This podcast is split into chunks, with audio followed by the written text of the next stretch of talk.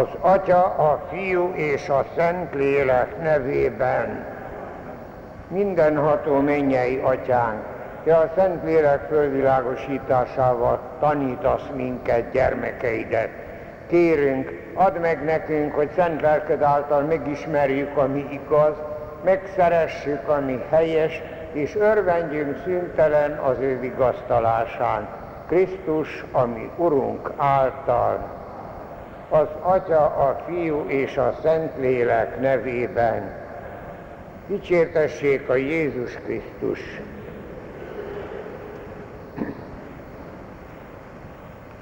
A tíz parancsolat hetedik parancsolatával foglalkozva, a múlt alkalommal szóltunk már, hogy a ne lopj parancsa, az az Úr Jézus értelmezése szerint védi mindazokat a javakat, amelyek az emberi élet föntartásához és kibontakozásához szükségesek. Ennek kapcsán beszéltünk már a tulajdonjogról, annak a használatáról, aztán mások tulajdonának a megsértéséről, és ezekkel kapcsol, ezzel kapcsolatban általában a lopásról, és kitértünk még az üzemi lopásokra is. Folytassuk most ezt a kérdést, ami eléggé bonyolult, és azért a mi mostani életünkben is szerepel, nem csak az elmúlt évtizedekben, de akkor harapózott el nagyon, úgyhogy nagyon világosan kell látnunk itt a dolgot, ezt úgy is tudjuk nevezni, hogy ez titkos kárpótlás. Mert hiszen a jelszó mindig az volt, hogy a munkámért úgyis olyan silányan fizetnek, hát én kárpótolom magamat valamire, de hogy hol ezt, hol azt, hol azt elviszem az üzemből a vállalatról, ahol dolgozom, és itt tisztán kell látnunk, mert kétségtelen, hogy vannak a lopásnak kicsi bűnei. Az, hogy ma múltkorában említettük, azt, hogy nem tudom én egy ceruzát valakitől ellopok, az úgy önmagában véve nem nagy dolog, de hogyha a gyerekeink az iskolába lopkodják a ceruzát, arra azért nagyon kell vigyázni, mert így kezdődik mindig. Én ismerek egy házaspárt, akik úgy kezdték, hogy a közértbe egy Balaton szeletet csentek el, de most már ott tartanak, hogy az egyik lesi, hogy hol vigyáznak rá, a másik pedig lopja a literes konyakot, meg a kilós kávét. Szóval a lopásnál az a helyzet, hogy apró dolgokkal kezdődik, aztán mindig jobban tovább bátorodnak bele az emberek, és itt nagyon-nagyon kell vigyázni. Kétségtelen, hogy nem könnyű mindig tisztán látni, múltkorában is már említettem, hogy mi nagyon tisztára próbáltuk ezt tenni kint a fogságban, a gulágon, ahol mondjuk ténylegesen világosan kellett látni, hogy az, ami esetleg kint a szabadban valamiképpen egy enyhébb vétek, az lehet ott igen súlyos. Például, hogyha azt a 12 dek a kristálycukrot, amit mi havonként kaptunk, ha azt ellopja valaki a fogolytársától, igenis súlyos vétek. Miért? Ott nem arról gondoskodtak, hogy éhen ne halljunk, de azért a határvonalon jártunk, és ezt nem szabadott semmiképpen sem elfelejteni. Én saját magam a magam butaságával tapasztaltam ezt nem egyszer, amikor reggel a káposztalevest megkaptuk, és mellé a 400 g kenyeret, Hát ugye én a levest kanalaztam, és a 200 g kenyér ott volt a tányérom mellett, megkocogtatták a jobb vállamat, mire én oda néztem, addigra a kenyér eltűnt. Hát, hogyha ez csak egyszer történik, az rendben van, de ez többször is megtörtént, mert olyan bunkó voltam, mert ugye ott azért nem voltak mind, mindenki, nem volt erkölcsileg olyan túlságosan biztos, hogy érzékeny lett volna az ilyesfélére. Nagyon-nagyon kell vigyázni. De most is például nagyon sokszor halljuk azokat a szegény hajléktalanokat, akik nem akarnak elmenni a hajléktalan otthonba, mert ott örökké lopják őket. Hát Istenem, nem tudom, hogy így van-e, de el tudom képzelni, valóban azért az életünkben nagyon-nagyon sokszor szerepel a lopás. De aztán azért világosan láttuk azt, hogy ugye a lágerben ott voltunk 1300-an vagy 1400-an, amikor 1400-ra főznek káposzta levest, hát hogyha valaki igazságtalanul két tányért levest tud megszerezni magának, hát az biztos, hogy nem volt nagy bűn, ez is lopás, de ez biztos, hogy még bocsánatos bűn sem volt, olyan körülmények között, ahol mi hát ténylegesen az élet és halál között voltunk. A Szentírásban szerepel egy mondat, hogy a nyomtató ökörnek nem lehet bekötni a száját. Ez kétségtelen, hogy így van, de az is biztos, hogy ez tulajdonképpen csak olyan esetekre vonatkozik, amikor nem lehet másképp kielégíteni az egyéni szükségletet, és ez nem azt jelenti, hogy ez a módja a meggazdagodásnak. Mert ott, ahol ezzel vagy azzal foglalkozik, az biztos, hogy nyugodtan, nem tudom én, hát fogyaszthat, nem tudom én, én kórházban dolgoztam, mosodavezető voltam 20 évig, hát ott a konyhába, ugye, akik dolgoztak, hát világos, hogy nem azt ették mindig, amit a átlag dolgozó evett, hanem hol ezt, hol azt, hol azt, ez olyan természetes. De az, hogy amikor egyszer egy ilyen rendőri razzia volt, hogy akkor egy tucat tojást találtak meg, amit hazavitt volna az egyik konyhai dolgozó, vagy két rút szalámit, amit az ottani hentes hazavitt. Ezek megtörtént tények, de itt világosan kell látnunk. Bonyolítja a dolgokat az, amikor olyasmire kényszerül az ember, hát mondjuk bizonyos, bizonyos adakozásra, csak azért, mert olyan helyzetben vannak, hogy igenis ott lopnak, és a lopás ellen kell valamit tenni.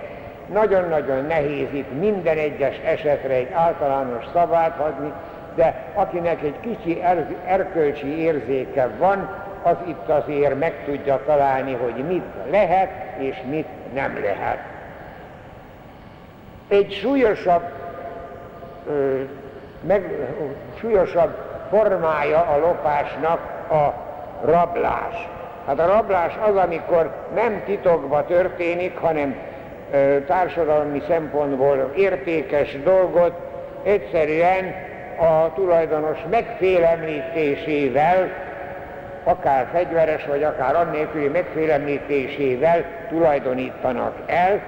Itt ez rendszerint egyéb vétkeket is szokott magával hozni, ezt szokták ilyen bűntársi közösségben elvégezni a rablást, mert ahhoz jobb, hogyha ketten-hárman hozzáállnak, és itt biztos, hogy nagyon-nagyon könnyen, igen-igen súlyos bűnről lehet szó.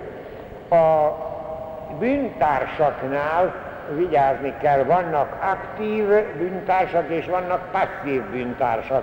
Az aktív bűntársak, akik ott vannak, és hát nem tudom én, fedezik a rablást, vagy elterelik az ottaniaknak a figyelmét, azok aktíve benne vannak és védkeznek. De passzív bűn, bűntárs is lehet valaki, hogyha tud ilyen szándékról, és nem figyelmezteti az illetőket, vagy nem tesz ellene semmit sem. Tehát pedig itt is azért van egy olyan közmondás, hogy nem, ne szólj szám, nem fáj fejem. Hát azért itt vigyázni kell, mert ez nem azt jelenti, hogy, hogy amikor tudomásunkra jut valami ilyen erkölcsileg tilos, lopással kapcsolatos ügy, hogy akkor hát éppen csöndbe kell lenni. Ugye Babics Mihály világosan megmondta, hogy vétkesek közt cinkos, aki néma. Hát szóval ez azért itt is szerepel.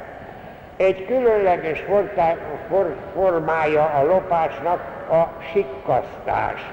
Hát a sikkasztás rendszerint pénzzel történik, mégpedig azoknál van kísértés a sikkasztásra, akik olyan helyzetben vannak, olyan munkát végeznek, hogy pénz van náluk, és arról a pénzről ők dirigálnak és az úgy szokott kezdődni, hogy nekem most szükségem volna valamire, nem hoztam magammal pénzt, de hazamegyek, és akkor nekem szükségem van, én kiveszek egy ezrest, vagy nem tudom én mit abból a másiknak a pénzéből, és holnap majd visszateszem. így szokott kezdődni. Azt akkor mindig nagyobb összeget vesznek ki, aztán elfelejtik visszatenni, hogyha ez nem olyan, hogy észre lehessen venni. Itt van aztán az, a, amikor egy kicsikét odébb megyünk, hogy csalás.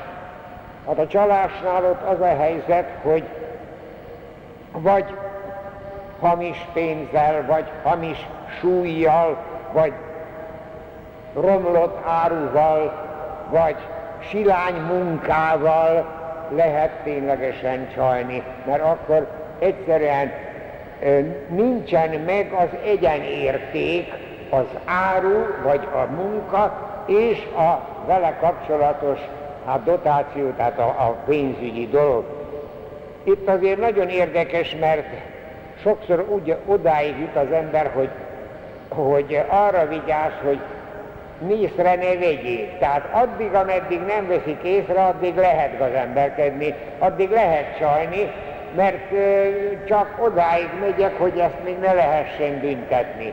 Tudjuk, hogy most ilyen, ilyen kifejezéseket is kitaláltak, hogy jogilag, törvényileg nem kifogásolható, csak erkölcsileg kifogásolható.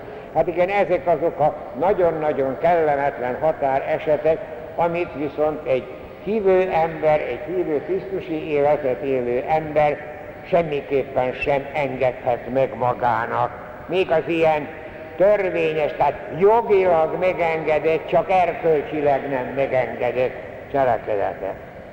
Akkor egy egészen különleges fajtája itt még ennek a, a magántulajdon elleni védségnek a jogtalan károkozás. Amikor haszon nélkül csak rombolási vágy volt, tönkretesz valaki valamit, hát ennek most ugye a legdivatosabb formája, ugye ha valamilyen, házat újra köstenek, egy 24 óra alatt már össze vannak firkálva. Csak tessék megnézni a, a Móri Zsimbon körteret, ott is van az aluljárókat, és egy, hogy mindenütt a firkák. Szóval semmi haszna nincs az illetőnek belőle, szóval egyszerűen emberileg nem lehet megérteni, de ezek azok a jogtalan kár okozások, amik sokszor aztán igen-igen nehezen. Hát emlékezünk talán arra a Ferenc, belvárosi Ferences templomnak a falát összefirkálták, és roppant nehéz volt, sokba került olyan festéket találni, amivel ezeknek a spréknek a nyomát egyszerűen el lehetett tüntetni. És sajnos kérdőjel, mert nagy pénzért eltüntetik, és a következő nap újra ott van. Hát csak tessék megnézni a villányi utat, hogyha végigmegy az ember a 61-essel, nincs olyan ház, amin nincsenek díszítések, csodálatos művészi dolgok, tehát még csak azt se lehet mondani, hogy csak egy primitív gazember csinálja. Mert művészi ö, betűk vannak ottan kiföstve, nem is olcsó az a szóval ilyesmikre egyszerűen nincs a mostani kornak érzéke, és ez egy szörnyű eredménye az elmúlt időknek. Lelkiismeretben természetesen világosan kell látnunk, hogy a környezet szennyezése is ide tartozik, azt sem lehet semmiképpen megengedni erkölcsileg, hogyha valami ilyesféle. Az is jogtalan káros, kár, károsítás. Na most ezzel szemben szólnunk kell egy pár szót a jóvátételről, a kárpótlásról, mert kétségtelen, hogyha kárt okozunk, akkor, és azt érezzük, akkor annak a következménye, hogy azt valamiképpen jóvá kell tenni. A kárt azt valamiképpen meg kell téríteni. Ez a hívő embereknél ezen a téren nem egyszer, hát kicsikét pongyolán gondolkodunk, mert valahogyan csak egy példát hadd mondjak el. Jó múltkorában, évekkel ezelőtt volt egy gyónó, aki azzal jött be a gyontatószékembe, hogy ő én elfelejtette már a gyónási imádságokat, nem tudja.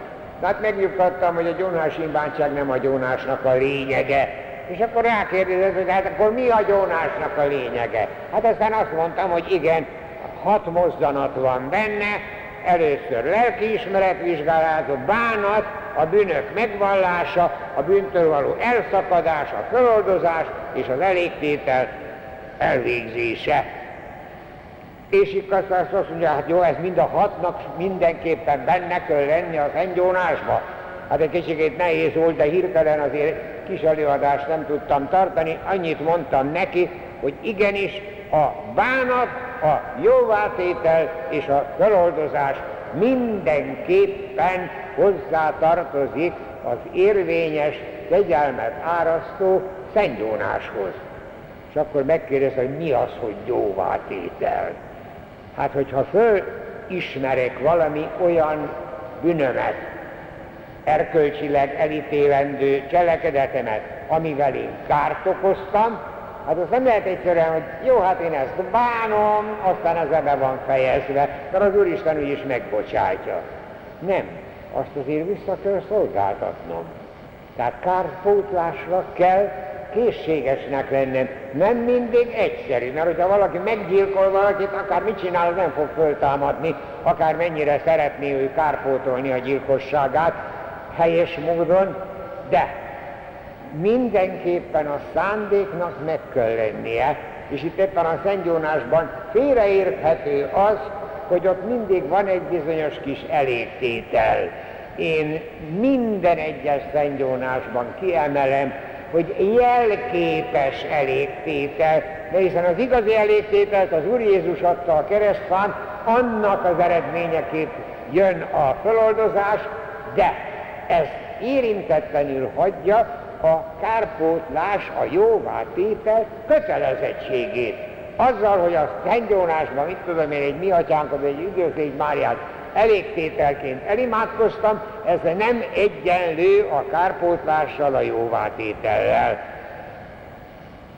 Gyakorlatilag itt is persze igen-igen sok eset lehet, részletes jóvátétel, részletes kártérítés, sem beszélni, hát nagyon sok mindent lehetne mondani, itt most egyelőre csak fölhívjuk a figyelmet arra, hogy igenis lelkiismereti kötelessége. Az, hogyha egy bírósági ítélettel ott megszövegezik a kár, kár pótlásnak az összegét, ha nem lehet visszaadni az illető tárgyat, akkor rendszerint pénzbe szokták, ezt valamiképpen a jóvátételt, a kártét, a, a, a kárpótlás megszövegezni, de hogyha ilyesmi nincsen, akkor az embernek mindenképpen kell a jóvátétel, tulajdonképpen így mondja a teológia, az a tulajdonjognak a büntető joga.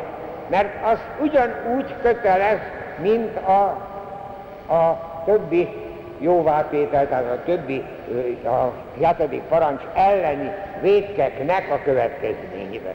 Na most pedagógiai szerepe is van a jóvátételnek, a családban, az iskolai nevelésben, nagyon-nagyon fontos, hogy erre kitérjünk, nem lehet mindent elengedni, nem lehet mindent egyszerűen figyelmen kívül hagyni, nevelési szempontból tehát még kisebb dolgoknak az ellopásánál is nagyon fontos a jóvátételnek a hangoztatása. Jóvátétel vagy kárpótlás, restitúció az igazságosságnak a követelménye. Jogi értelemben vétkesnek számít az, aki nem szándékosan okozott kárt, akkor is. De ha szándékosan okozott kárt, itt nagyon érdekes azért a, a egyházjogban van egy ilyen mondat, ha nem szándékosan, de okozott kárt, a kárt meg kell téríteni, de annak a következményeit, tehát a kamatait nem. Ha szándékosan, akkor még a kamatoknak a megfizetésére is köteles.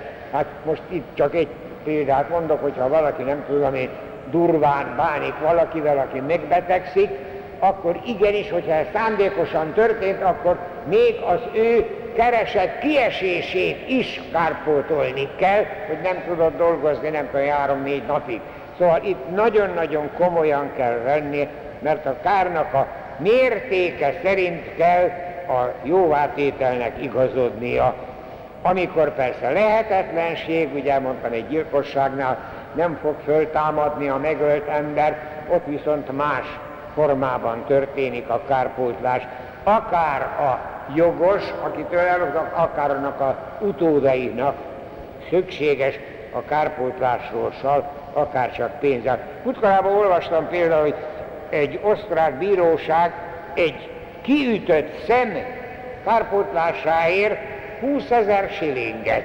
Hát ugye azt a kiütött szemet se lehet pótolni, de 20 ezer siling az nem gyerekjáték Ausztriában sem. Úgyhogy itt azért vigyázni kell, persze itt egy kicsikét kísért az Ószövetségnek a törvénye is, a szemet szemért, fogat fogért, és azért az Ószövetségnek itt nagyon-nagyon komoly előírásai voltak, mert például, hogyha egy fogát kiütött a rabszolgának, a zsidó rabszolgának a zsidó szabadember, akkor a rabszolgát szabaddá kellett tenni. Erre volt a törvény. Fogány rabszolgákkal ez nem szerepelt, ugye hát a választott nép ilyen szempontból kivétel volt. Szóval nagyon kell erre vigyázni, de a Szentírásban is szerepel, hát ugye Zakeus azt mondta, hogy négyszeresét fizetett vissza, akiket megkárosítottam. Tehát ott is szerepelt a kárpótlás, mégpedig attól függően, hogy milyen erkölcsi tartása volt az illető embernek. Hát Zakeus négyszeressé fizette. De az új, új szövetségnek is megvan ez ilyen tanítása, Szent Pálapostól egyenesen beleérti ebbe a figyelmeztetésbe, hogy adjátok meg mindenkinek azt, ami neki jár. Ez a Szent Pál egyik levelében pontosan a kárpótlása jóvátételre érti. De Szent Ágostonnak is van egy ilyen idézete, aki a jóvátétel komoly szándéka nélkül gyónik, az csak színlelt gyónás, mert mert, bűnbánat, mert a bűnbánata nem őszinte, és ezért nem is nyerhet bűnbocsánatot. Akvinói Szent Tamás is azt hangoztatja, hogy a lehetséges maximumát kell megtenni akkor is, ha a tényleges tettes kártalanítása